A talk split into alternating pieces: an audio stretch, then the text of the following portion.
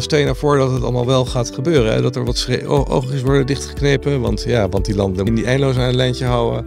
Eh, en Oekraïne willen we ook eh, snelheid, enige snelheid mee boeken. Dan, dan, dan krijg je een, een Europese Unie die geheel ander, een heel ander karakter gaat krijgen. Die, eh, ja, die veel, nog veel Oost-Europeeser, nog veel moeilijker te, te besturen is. Welkom bij Bruxelles, de podcast van EW over de Europese Unie.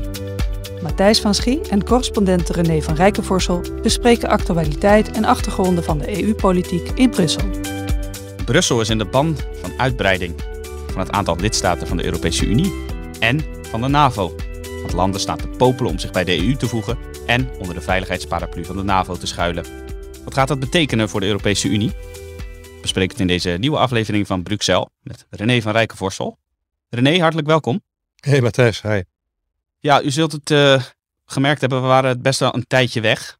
En eh, daar hadden we zo onze redenen voor. Ik zal, Ja, ja, Matthijs, dat kan ik eventjes wel even aan de luisteraar gaan vertellen wat er is gebeurd, voordat je het vergeet te vertellen. Ga jij dat vertellen? Je bent vader geworden, jongen. Ja, dat moet je nooit zelf vertellen, dat moet je aan mij overlaten. Heel goed. Je bent vader geworden van Eduard, een nieuwe klopt. Europese staatsburger.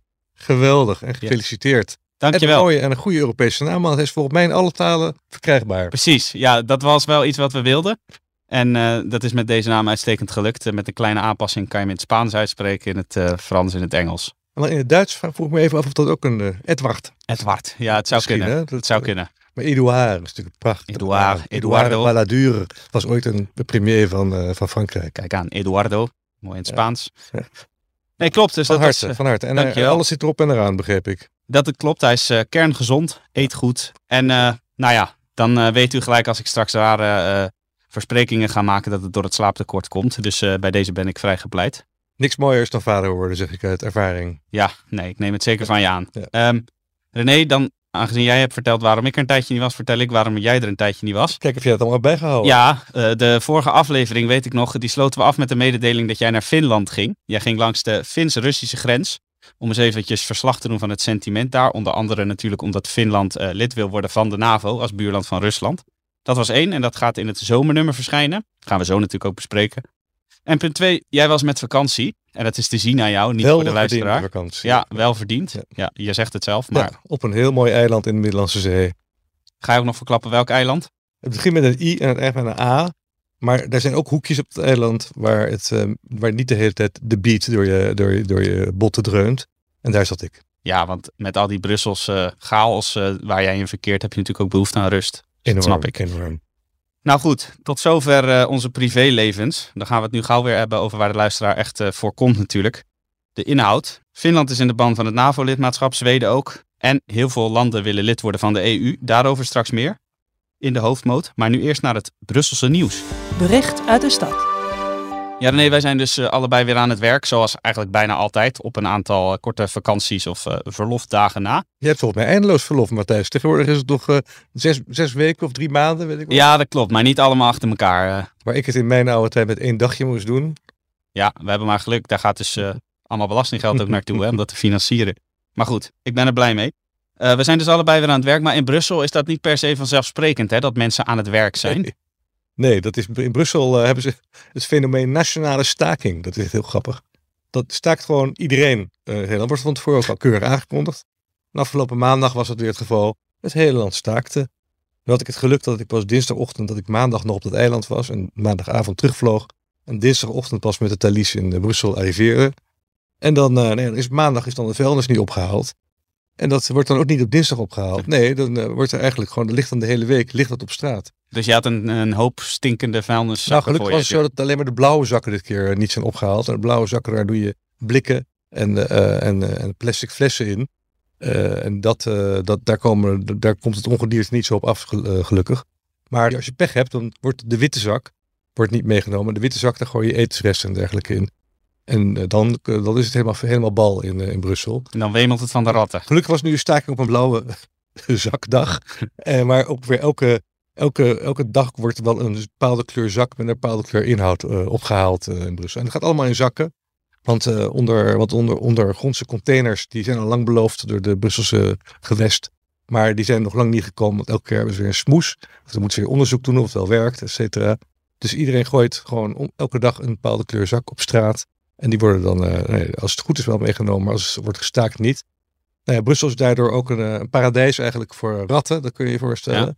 Er zijn schattingen dat er evenveel ratten als, uh, als mensen in Brussel wonen. Misschien wel meer ratten. En er wonen 1 miljoen mensen. Goed, maar goed, in elk geval, Brussel is, is ja, echt best een. In het begin dacht ik dat het wel werkte allemaal, het systeem met het, met het ophalen van die zakken. Maar ik ben er toch steeds meer achter gekomen dat Brussel toch wel een vrij smerige stad is. En, ja, en dat heeft ook zijn weerslag op de mentaliteit van de mensen. Want ik las vandaag ergens een onderzoekje dat uh, Brussel, hebben ze hebben in 15 steden in Europa de hotelaccommodaties onderzocht. En Brussel staat op nummer 14. Dus dat, uh, nou. ja, Amsterdam geloof ik op 6 of zo. Nou, dus Brussel op nummer 14, dus je hebt ook nog eens een keer relatief vieze hotelkamer. Nou, als we dan een keer de, de podcast op locatie gaan opnemen, dan hoop ik toch dat ik bij jou mag overnachten en niet een hotel in Ik heb er wel een klein kamertje voor even Matthijs. Gelukkig, dat is een hele geruststelling. Nou nee, ondanks al die viezigheid zijn er toch genoeg mensen die maar wat graag in Brussel willen komen wonen en werken. En uh, daarom kunnen wij ook uh, de volgende rubriek elke keer weer vullen. De Europeaan om in de gaten te houden. Ja, we hebben weer een Europeaan om in de gaten te houden. Dat is een uh, man met wie ik nou, een week of wat geleden voor al mijn buitenlandse reizen een aangename ontmoeting heb gehad. Ik heb er nog niks over geschreven verder met hem en over hem. Maar het is een PvdA-Europarlementariër en heet Mohamed Shahim. En het bijzondere aan hem is dat hij een heel moeilijk dossier onder zijn, uh, hoede heeft. Een dossier waar we misschien in de volgende podcast nog een keer gaan over gaan hebben. Maar dat heet CBAM. En eigenlijk, dat staat voor uh, Carbon Border Adjustment Mechanism. Duurzaam dus. Heel duurzaam. Het hoort helemaal binnen het Fit for 55, bij de klimaatambities van de Europese Unie. Het idee is eigenlijk dat er een soort koolstofheffing komt op uh, producten die uit landen buiten de Europese Unie worden, worden geïmporteerd dat dat anders, als je zeg maar de, de, de, de, de producenten hier alle heffingen gaat opleggen, dan ontstaat er enorme oneerlijke concurrentie. Als dan spullen uit uh, bijvoorbeeld China niet worden, niet worden belast ja. met, een, met zo'n heffing. Dan schiet je jezelf alleen met een eigen voet, terwijl ja. de vervuiling net zo hard doorgaat. Precies, precies. Dus, dus en een incentive, incentive voor die landen om, uh, om minder CO2 uit te stoten. En in elk geval zorg je voor een level playing field economisch. Nou, dat is, een, dat, is een, dat is een hele ingewikkelde operatie. Maar deze Mohammed, die is econometrist. Die heeft, kan alles uitrekenen. Dus kan ook tot achter de komma, vertelde hij mij, kan die bepalen hoeveel CO2 er bij een bepaalde Barbiepop is uitgestoten om, die, om, dat popje te, te, om dat popje te produceren. Nou, dat vond ik wel interessant. Maar het is verder ook een hele, uh, hele uh, amabele kerel. Hij is moslim, hij is van de Marokkaanse komaf, in Ves geboren, 37 pas. Maar in, in, in, in Helmond opgegroeid voornamelijk. En ja, het is echt een beetje zo'n zo'n Brabantse, hij een enorme Brabantse jovialiteit. Heel innemend. En hij heeft ook, dus daar door die, door die innemendheid van hem, doordat hij echt, nou ja, dat, dat heel erg op de schouders slaan type is. En gezellig, niet, niet uit de hoogte. Heeft hij dus ook eigenlijk in het Europarlement uh, uiteindelijk gewoon een meerderheid weten te, elkaar te fixen. Ja. Is echt gefixt voor deze, voor deze CBAM. Of je het ermee eens bent of niet, dat doet er verder niet, niet zoveel toe. Het is gewoon een hele, hele goede parlementariër die ook al uh, uh, nu al uh, ondervoorzitter is van de commissie die gaat over de Green Deal. Dus dat is echt, dat is knap. En ehm, nou ja, hij is, zoals ik al zei, is econometrist. Dat is Pieter Omtzigt ook. Ja. Maar deze jongen heeft iets meer. Nou ja, Pieter Omtzigt kan je ook wel zeggen dat hij een beetje autistisch is. Dat is deze jongen zeker niet. Terrier die deze jongen zeker niet. En nou, als ik de PvdA was, zou ik deze man heel snel naar Nederland halen. En volgens mij, als je hem naar voren schuift, dan heeft de PvdA nog als die partij nog bestaat tegen die enige, tijd. enige kans van, van overleven. Want het is echt een hele, hele, een hele intelligente, amabele, amabele kerel. Dus en men, men kent hem nog niet, daarom noem ik hem eventjes. Ja. Mohammed Shamin, Shahim, houdt hem in de gaten. Ja, houdt hem in de gaten. Als de PvdA uh, tegen die tijd nog bestaat, uh, dan... Oh, staan, staan, volgens mij staan ze nu in de peilingen plus, hè? Staan ze ja, nee, ik heb het over de fusie. Plus vijf. Oh, de fusie met GroenLinks. Ja, maar dat heb ik hem nog gevraagd trouwens. Dat is wel grappig dat je dat zegt. Ik weet niet of Mohammed erg vindt als ik het stel, maar uh, dat is een beetje een off ding. Maar hij zag in elk geval in dat in, dat in Europa nog niet zo snel gebeuren. Uh, want dat daar in het Europese parlement, wat daar de socialisten veel groter zijn dan de, dan de, dan de groenen. En als, nou, hij zag het misschien wel gebeuren dat als ze fuseren en de groenen komen er bij de socialisten zitten, is prima. Maar niet dat de socialisten, dat ja. PvdA de, bij de groenen zou, bij de groenen in Europa zou gaan zitten. Dus wat hem betreft krijgt de PvdA echt de leiding en moet GroenLinks zich daar maar naar voegen als het zover zou komen. Ja, nou, dat wil ik, zover wil ik niet gaan, want Nee. dat was een off-the-record gesprek Ja. verder. Dus Mohamed, sorry als ik dit niet al mogen zeggen. Maar... Pin hem er niet op vast. Nee, zeker niet. nee. Nou, dat waren de personalia eh, voor deze week. En dan gaan we nu eh, naar het eh, hoofdgerecht. Bruxelles, de hoofdmoot. Ja, om te beginnen de NAVO. René, je bent dus in Finland geweest om te kijken hoe het daar is aan de grens met Rusland met name. Want eh, Finland eh, zoekt natuurlijk eh, ook onderdak bij die veiligheidsparaplu. Eh, want eh, als je bij de NAVO zit, dan heb je natuurlijk een veel sterkere positie mocht je eh, worden binnengevallen door eh, met name Rusland. Dat is natuurlijk de grote dreiging eh, op dit moment. En wat merk je daar nou van in Finland, van dat sentiment? Nou, dat is wel grappig. Dat naarmate ik langer reisde en meer mensen sprak, merkte ik eigenlijk, of ging ik me eigenlijk steeds meer afvragen waarom ze zo nodig bij de NAVO willen. Want ze hebben namelijk een ongelooflijk goed leger. Ze hebben een beroep, ze hebben een dienstplicht hebben ze daar. Dus jij en ik hadden, zouden ook in het leger hebben gezeten. Eh, en dat is een staand leger van ongeveer 25.000 man. Maar ze hebben 280.000 reservisten. Zo. Die onmiddellijk en die ook getraind worden elk jaar of, of, of om de zoveel tijd. Het ligt een beetje aan waar, waarin je bent gespecialiseerd. Eh, en die echt onmiddellijk inzetbaar zijn. Dat betekent dat ze een leger van 300.000 man gewoon al paraat hebben daar. Ja. En hebben ze ook nog eens een keer 900.000, dat zijn wat ouderen, maar die ook in het leger hebben, die eventueel ook nog in te zetten zijn. En het leger zit helemaal daar in de backbone, in de ruggenmerg van het land. En dat merk je aan alles, dat, merk je, eh, dat zie je op straat, dat eh, merk je als je, als je mensen spreekt. Een van de jongens die ik sprak, die zei van ja, nou het enige wat alle mannen hier gemeenschappelijk hebben, is het leger. Dus als je een keer een wildvreemde tegenkomt, kun je altijd met hem over het leger praten.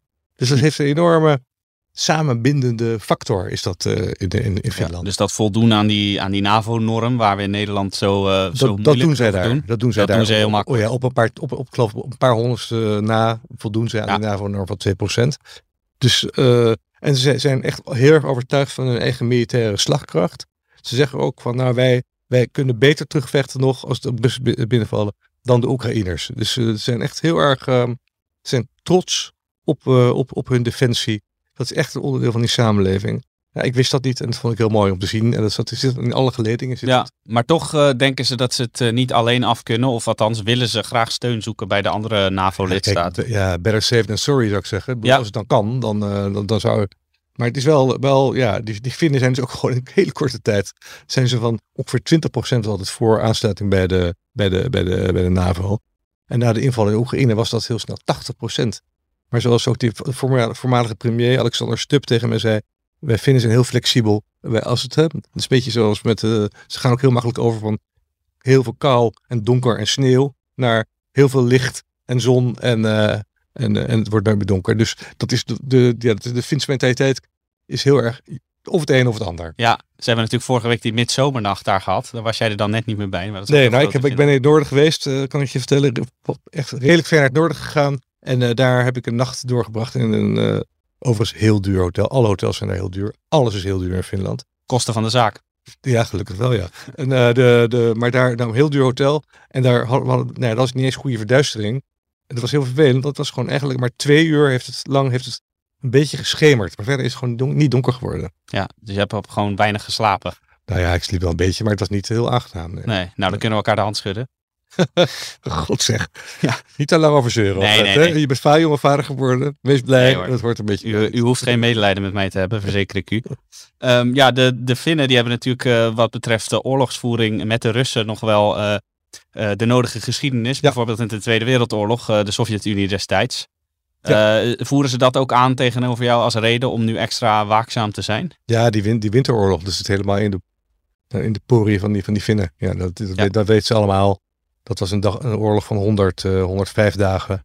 En ze hebben heel erg, eh, ze hebben heel erg teruggeknokt. En, en, de, en die Sovjets eh, echt wel, eh, nou ja, gewoon echt goed grazen genomen door de Sovjets. Uiteindelijk hebben ze wel een paar, paar stukjes Finland ingepikt, maar niet heel Finland. Dat, Ja. dat, eh, dat, dat, dat, redden ze niet.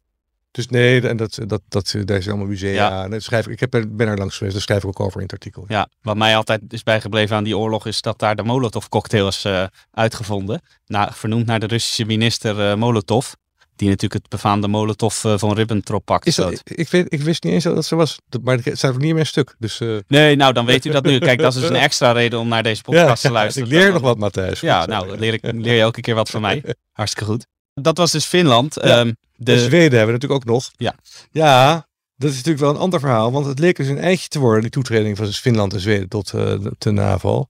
Totdat uh, meneer Erdogan om de hoek kwam kijken en die zei van ja, uh, allemaal leuk en aardig, maar Finland en Zweden mogen van mij geen lid worden van de NAVO. Zolang vooral die Zweden, de, die terroristen van de PKK, de IPG, YPG, nooit huisvesten. En de, die moeten worden uitgele uitgeleverd. En ook moet een eenzijdig wapenembargo, wat de Zweden tegen de Turken hebben uitgeroepen, moet van tafel. En uh, nou, zo had hij nog wat van die eisen. Maar dat is in Zweden is dat, uh, nou ja, is dat niet alleen slecht gevallen. Zweden zijn nogal moreel superieur. Hè? Dat is ja. van die uh, ja, brave borst allemaal. Dus uh, iedereen, iedereen die krijgt er asiel. Nou, deze, ze zitten ook heel veel Koerden daar. En, heel veel, en bedoel, ik zeg niet dat die allemaal slecht zijn helemaal niet. Maar en er zitten ook mensen daar, daar die, die Erdogan als terrorist ziet. En die de Zweden zien als, uh, als lieve, lieve, lieve staatsburgers. Um, en die Zweden, die hebben dus eigenlijk al, dat past niet zo bij hun aard om die, om die opeens iets te gaan doen met hun politiek, hun brave politiek ten aanzien van die mensen. Maar er is nog iets nog veel ergers, of erger. Je hebt een, uh, een minderheidsregering in Stockholm. En die eh, de rust eigenlijk op, uh, op, eigenlijk op één de minderheidsregering hebben. Die altijd moeten met, met, veel, met veel moeite kunnen ze net, net het meerderheidje bij elkaar schrapen. En het laatste schraapstukje van die meerderheid heet Amina, uh, sorry, Aminé Kakabaveh. En dat is een Koerdische. Pikant. Sterker nog, ze is links en heeft het ook nog heel erg gemunt op Erdogan in haar jeugd heeft ze voor een Koerdische strijdgroep gevochten. Uh, dus uh, als, nu, als nu zeg maar die uh, regering van mevrouw Andersson, die minderheidsregering, mevrouw Kaka laat vallen, dan is ze, of dan als hij zeg, de, zich committeert naar de wensen van Erdogan, dan zou Kaka BV zeggen, ja, donder maar op, ik steun je niet meer. Ja, die is en natuurlijk solidair aan de Koerden. En dan is er minderheidsregering naar de Filistijnen. Nou, dat speelt allemaal nog steeds. Uh, en het is nu uh, 29 en 30 juni. Het is nu over een paar dagen is die top. Uh, het is heel spannend eh, of Erdogan nog wel of Erdogan door de pomp gaat en toch zegt, nou, misschien is er zo ook dit ook wel goed, of alleen het wapenembargo is goed. Of dat er nog iets van, dat de Zweden een klein beetje toegeven. Want ik vrees dat ze, de Zweden gewoon niet bereid zal zijn om die, om de, om die eisen van uitlevering en, en, en het zogenaamde steunen van, van, die, van die mensen daar die er wonen, uh, die terrorist zouden zijn, om dat op te geven. Ja, want er moet, er moet unaniem worden ingestemd door alle NAVO-lidstaten om een uh, nieuwe lidstaat ja, uh, te kunnen ja, accepteren. Ja, ja, Nee, dan is dat een heel groot probleem. Dat, dat is waar. Heel dus ik, ik sprak op de wekker deze week met, met mensen van de NAVO en die, die zeiden ook, we weten het niet, we weten het niet. En eigenlijk kijkt iedereen nog een beetje nog naar de Amerikanen nu. De Amerikanen moeten dit oplossen. Dat is een beetje de bottom line. Biden moet eventjes gaan praten met Erdogan. Ja, bijvoorbeeld. En uh, dat moet, want het zou wel een, een beetje een, een, grote teleurstelling zijn om het woord afgang niet te gebruiken. Als na al die, al die grote woorden van Finland en Zweden komen bij de NAVO, dat niet tijdens deze NAVO-top gaat gebeuren uh, uh, deze week. Ja. Dat is echt, nou, dat zou wel een, um, ja, een, een, een, flater zijn eigenlijk. Uh, een, ja, flop zou dat zijn voor de NAVO. Ja. En, en, nog heel even over Zweden, want we kennen natuurlijk Zweden als een uh, neutraal land vaak, ook in de Tweede Wereldoorlog bijvoorbeeld. En Zweden grenst bovendien ook niet direct aan Rusland. Nee, dat klopt. Waar, waarom willen de Zweden dan toch zo graag bij die NAVO? En is die steun ook net zo groot als in Finland? Die steun is iets minder groot, is 60 procent. Um, en waarom ze bij de NAVO willen, ja, dan hebben we dat eiland, het Gotland natuurlijk, dat ligt in de Oostzee, onder de, net, net onder de Botnische Golf. En dat ligt tegenover, de, tegenover Letland en net onder Stockholm. En dat is wel, daar, daar, daar varen ook vaak Russische onderzeeërtjes langs en dergelijke. Dus dat is wel, uh, nou ja, daar zijn ze best bang voor. is kwetsbaar. Ja. Ja, en het sentiment is natuurlijk ook eh, in heel Europa uh, nogal begrijpelijk overigens anti-Russisch. Dus Zweden gaat daar ook gewoon in mee. Tuurlijk. Ja, tuurlijk. Logisch. Nou, dat is allemaal uh, te lezen, de actuele situatie rond Finland, Zweden, in uh, jouw artikel dat jij in het 4000ste nummer van EW hebt gepubliceerd. Want dat is vorige week verschenen, het 4000ste nummer. Daarin een groot stuk van René hierover. En natuurlijk van alles over ons 4000ste nummer. Um, en een link naar dat artikel kunt u ook vinden in de beschrijving van deze podcast. Maar voor de uitgebreide reportage vanuit Finland moet u nog heel even wachten, want over Zeg ik dat goed? Twee, twee weken? Over twee weken verschijnt het zomernummer. Over twee weken verschijnt het zomernummer. En daarin een uh, pagina lange reportage van uh, René vanuit Zeven Finland. pagina's liefst. Zeven pagina's. Nou kijk, dan uh, hoeft u zich niet te vervelen. Eventueel voor op vakantie of gewoon thuis natuurlijk. Dat gaat u allemaal nog kunnen lezen. Nou, René, dat gaat dus over de uitbreiding van de NAVO. Maar uitbreiding, dat is ook nog aan de orde bij de Europese Unie. Want vorige week was een EU-top in Brussel. En die ging over de toetreding van een aantal kandidaat-lidstaten. Want landen staan te popelen om EU-lid te worden. Oekraïne natuurlijk. Maar welke allemaal nog meer? Oei. Uh, ja, allereerst vorige week was het de top, uh, donderdag en vrijdag. Um, die top stond in het teken van de westelijke Balkan. Die kwamen eerst even allemaal langs, de buurten. En natuurlijk van de, de toetredingsbelofte, of dan de belofte dat ze kandidaat, dan wel potentieel kandidaat worden van respectievelijk Oekraïne, Moldavië en Georgië. En de zes landen die langskwamen, dat waren Noord-Macedonië, Montenegro, Albanië, Servië, Bosnië en Herzegovina en Kosovo. En die kwamen langs om te kijken, nee, om het even door, door, te praten over hoe dat, hoe dat gaat. Een beetje, tot nu toe was het altijd die, een beetje een ritueel, die, dat, die westelijke Balkan top. De laatste was in Slovenië vorig jaar. Maar nu, nu opeens met het omhelzen van Oekraïne, zeggen al deze landen, die al heel erg lang in de wachtkamer zitten, sommige, sommige al zoals Montenegro al tien jaar, uh, Servië al acht jaar, die zeggen van, uh, uh, hallo, wij zitten in de wachtkamer en u laat die patiënt, laat, laat patiënt Oekraïne u voorgaan. Dus waarom mogen wij dan niet, of niet voorgaan, maar in elk geval, die, die worden gewoon opeens een soort kandidaatlidmaatschap krijgen die, terwijl die eigenlijk nog niks hebben gepresteerd, terwijl wij wel bij al tijd bezig zijn met lid te worden. Ja, dus Oekraïne die voldoet eigenlijk aan nog geen enkele voorwaarden en die andere landen misschien wel. En die zeggen ja, omdat Oekraïne nu wordt binnengevallen, uh, krijgen zij opeens voorrang. Ja, ja, dat, ja, ja dat, uh, dat, leidt tot enorm scheve ogen natuurlijk. Ja. Dat begrijp dus, maar goed, niet al die landen zijn. Uh, Bosnië-Herzegovina is een, is een drama, want dat, heeft een, dat, is, dat is een rommeltje, dat heeft een soort gedeeld leiderschap om de zoveel jaar komt, of om de zoveel tijd komt er een president van een van die kleine republiekjes, wordt dan weer de, de baas. Daar valt niet mee te werken. Er wordt heel erg eh, een beetje schamper over gedaan. Uh, Kosovo gaat ook nog niet goed. Maar Albanië bijvoorbeeld, dat zit al samen met Noord-Macedonië gewoon klaar. Dat is eigenlijk hebben ze wel voldaan aan hun uh, aan de eisen die de Europese, uh, de Europese Commissie stelt.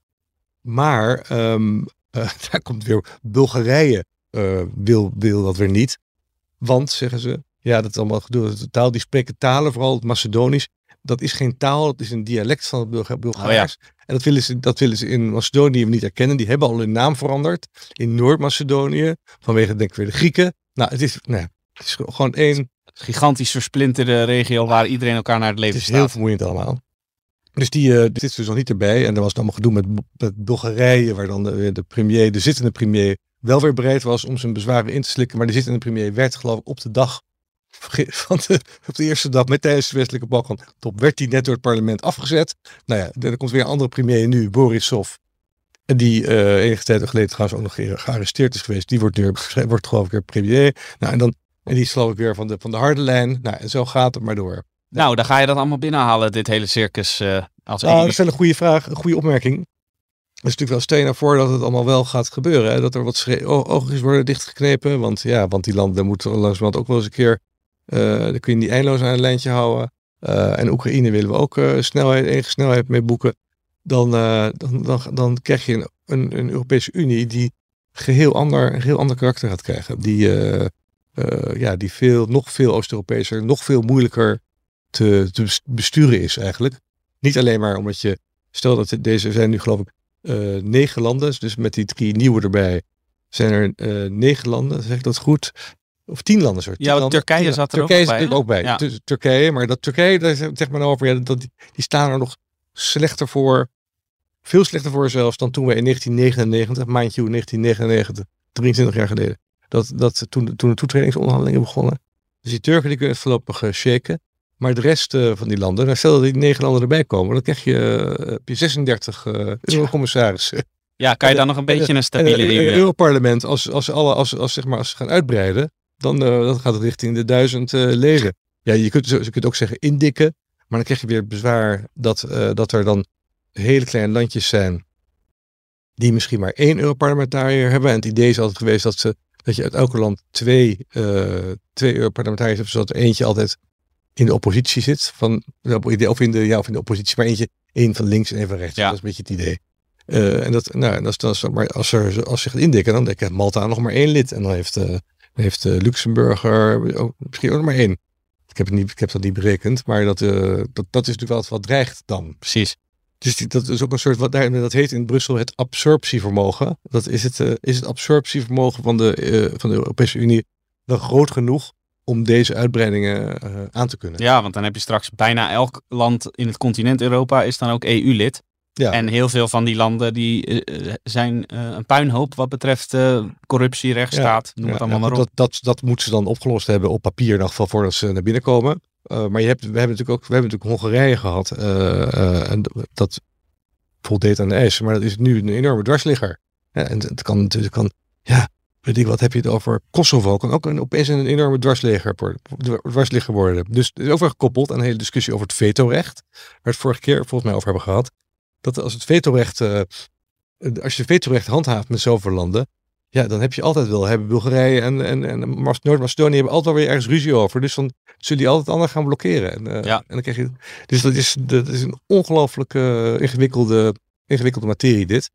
Nu is het, het goed nieuws dat de Europese Unie daar nog wel enige tijd voor heeft. Want de, de diplomaten die spreekt, die zeggen nou, het gaat minimaal tien jaar duren. Of, nou ja, en en eigenlijk misschien nog wel veel langer. Voordat bijvoorbeeld Oekraïne lid kan worden. Want eh, ja, daar is nog zoveel werk aan de winkel. Straks helemaal. Ja, nu, eigenlijk nu helemaal. Het staat er nu veel slechter voor dan dat het natuurlijk voor vier- vier- 24 februari eh, stond. De von der Leyen wel laatst een interview gegeven. Zegt van ja, op papier eh, zijn nu al, is nu alles wel goed geregeld. Eh, is, eh, zijn alle, alle functies gescheiden en is corruptie minder makkelijk. En is het, waar gaat die rechtsstaat meer lijken op wat wij in, in Brussel als een goede rechtsstaat zien. Maar zegt ze dan ook erbij, dan moest ik wel om lachen. Al die, al die banen moeten nog bemenst worden. Maar het zijn juist de mensen die, die er natuurlijk een corrupt zootje van maken. Ja. Op papier kun je het allemaal prachtig tekenen. Het is een beetje wensdenken Dus, wat ze doen. dus in de papieren werkelijkheid wordt nu opeens een soort, wordt een soort ide- idea- eh, ideaal voor, eh, voor zo'n land als Oekraïne. Dat is wel grappig. Ja. Nou, ook hierover heb jij een eh, artikel geschreven vorige week. dat is te lezen op onze website. Ja, elke keer een essay en, en, en, ja, online Ja. vorige week een stuk over. Ja, precies. Ja, En het is een dat- onderwerp wat, wat, wat zeker gaat terug, gaat terug de komende tijd. Precies, nou ja, dat meest recente stuk, eh, dat kunt u in de beschrijving van deze podcast vinden. En in dat stuk zelf staat dan weer een verwijzing naar jouw uitgebreidere essay daarover. Dus ook weer Oh, leesvoer genoeg. Ja. Nou, dat was de hoofdmoot, eh, René. Ook weer ingewikkelde kost, zoals zo vaak. Oh god, echt waar. Ik had uitbreiden is lijden, had ik er had, had ik bedacht als titeltje. Of, eh, of uitbreiden gaat van oude. Want het is allemaal gewoon, ja, het is allemaal moeilijk. Dus dat, maar het makkelijke uitbreiden van de, van de, van de NAVO lijkt nu dus ook weer ja, een moeilijke kwestie te, te, te, te zijn. Tenzij Erdogan eh, inderdaad wordt, eh, wordt eh, nou ja, bij zinnen komt, of bij zinnen komt, dat hij zijn bezwaren inslikt. Of ze krijgen een termijn in Zweden om daarmee om te gaan. Ik weet het niet, maar Ja. dat, eh, dat gaan we zien de komende dagen. Ja, spannend om te volgen. En eh, als daar grote ontwikkelingen zijn, leest u dat uiteraard ook op onze website, ewmagazine.nl. Nou, dan hebben we de hoofdmoot gehad. En dan gaan we toch nog even weer naar het luchtige toetje, zoals elke week. Eh, namelijk, De quizvraag. René, de quizvraag van de vorige aflevering was alweer een tijdje geleden. Eh, dus misschien goed om die nog eventjes eh, te herhalen. Eh, die vraag was, waarom en sinds wanneer is 9 mei de dag van Europa? 9 mei, dan zie je al hoe lang het geleden is dat we de vorige podcast hebben opgenomen. Nou René, aan jou de eer om het antwoord te onthullen. Ja, op 9 mei in het jaar des heren 1950 eh, toen pleitte de toenmalige Franse minister van Buitenlandse Zaken, Robert Schuman, in een belangrijke reden, zoals het heet, voor een organisatie die de Franse en de Duitse productie van kolen en staal zou coördineren. En eh, dat, was, dat werd de Europese Gemeenschap voor Kolen en Staal uiteraard. En de, eh, de EGKS is de voorloper van wat daarna de EEG, daarna de EG en daarna daarna de EU werd. En eh, dat, die 9 mei is sinds 1985, dus 35 jaar na de reden van Schuman, de, de dag van Europa. Dat was best een lastige vraag voor veel luisteraars, want eh, heel veel reacties waren er niet. Maar we hebben toch een goed antwoord gekregen. Dat eh, is gekomen van Willem van der Zanden uit Oud-Beierland. Gefeliciteerd. Ja, gefeliciteerd. Eh, u wint de speciale editie Europese Unie en die is dus naar u onderweg. Van harte. Maar, en dan komt er natuurlijk ook een nieuwe quizvraag waarop je weer kunt reageren. Eh, het goede antwoord kan naar bruxelles.ewmagazine.nl. René, de nieuwe vraag, nieuwe ronde, nieuwe kansen. Hoe luidt de nieuwe vraag? Over de uitbreiding van de Europese Unie uiteraard, daar gerelateerd. Welk land kwam als laatste bij de EU en in welk jaar was dat? Nou, dat uh, moet te doen zijn, zou ik zeggen. Denk het ook wel. Dus uh, zoekt u dat op en uh, mailt, of weet u het uit uw hoofd natuurlijk, nog beter. En mail dat naar ons toe, bruxelles.ewmagazine.nl. Daar kunt u ook allerlei opmerkingen, kritieken, dat kunnen dan negatieve of positieve kritieken zijn. En natuurlijk ook suggesties voor ja. wat u behandeld wilt zien. Heel graag. Want wij staan natuurlijk open voor, voor de visie van onze luisteraars. Wij behandelen die graag. Dus mail gerust als u denkt dat u iets interessants heeft te melden of iets wilt weten van René. Die weet alles over wat er in Brussel gebeurt. Nou René, dan zijn we uh, weer aan het einde gekomen van deze aflevering van Bruxelles. En uh, wat ga jij de komende uh, periode allemaal doen daar? Nou, ik heb eigenlijk maandag, dat vind ik wel leuk, ga ik spreken met de voorzitter van het Europees Parlement, Roberta Metsola. En ik denk dat zij in de allereerste podcast die we volgens dit format opnamen met de Europeanen om op te letten, ook de Europeanen om op te letten was. Dat klopt. Ja. ja. Nou, dat, heeft, dat vond ze zo leuk dat ik nu met haar mag praten. Nee, ja, zij luistert nee, ook elke week, hè? Ja. maar uh, ze, is, ze is, komt uit Malta en um, nou, genoeg onderwerpen om met haar te bespreken, denk ik. Ze, werd, uh, ze was, was, was nog nauwelijks in het plus van het, uh, van het presidentschap van het parlement. Of de oorlog brak los in Oekraïne. Dus nou, dan ben ik heel benieuwd naar hoe ze het allemaal heeft ervaren. Ja ook heftige tijden voor haar. Toch als, als ik het goed zeg, als enige uh, of als hoogste gekozen ambtenaar in Brussel. In ieder geval de enige gekozen, enige gekozen, nee, het is geen ambtenaar, enige gekozen politicus. Ja, dus, ja enige gekozen politicus. Dus ja. uh, dat is het uh, lezen meer dan waard. En dan in de volgende podcast zal dat ongetwijfeld ook ter sprake ook, komen. Ook in het zomernummer. Ja, ook in het zomernummer. Nou, kijk aan. René, je bent goed vertegenwoordigd daar. Nou, dit was het dan. René, hartelijk dank. Dankjewel Matthijs en veel plezier met uh, Eduard. Geniet ervan. Dankjewel, ga ik zeker doen. En uh, alle luisteraars ook bedankt en graag tot de volgende keer. Hartelijk dank voor het luisteren naar Bruxelles, de podcast van EW over de Europese Unie. Wilt u de artikelen lezen die Matthijs en René zojuist hebben besproken? De links zijn te vinden in de beschrijving. Meer podcasts van EW luisteren? Ga dan naar ewmagazine.nl/slash podcast. Vergeet ons ook niet te volgen op Facebook, Twitter en Instagram via ewmagazine.nl. Heeft u interesse in een abonnement op EW, digitaal of ook op papier? Kijk dan op ewmagazine.nl/slash abonneer. Graag tot de volgende keer.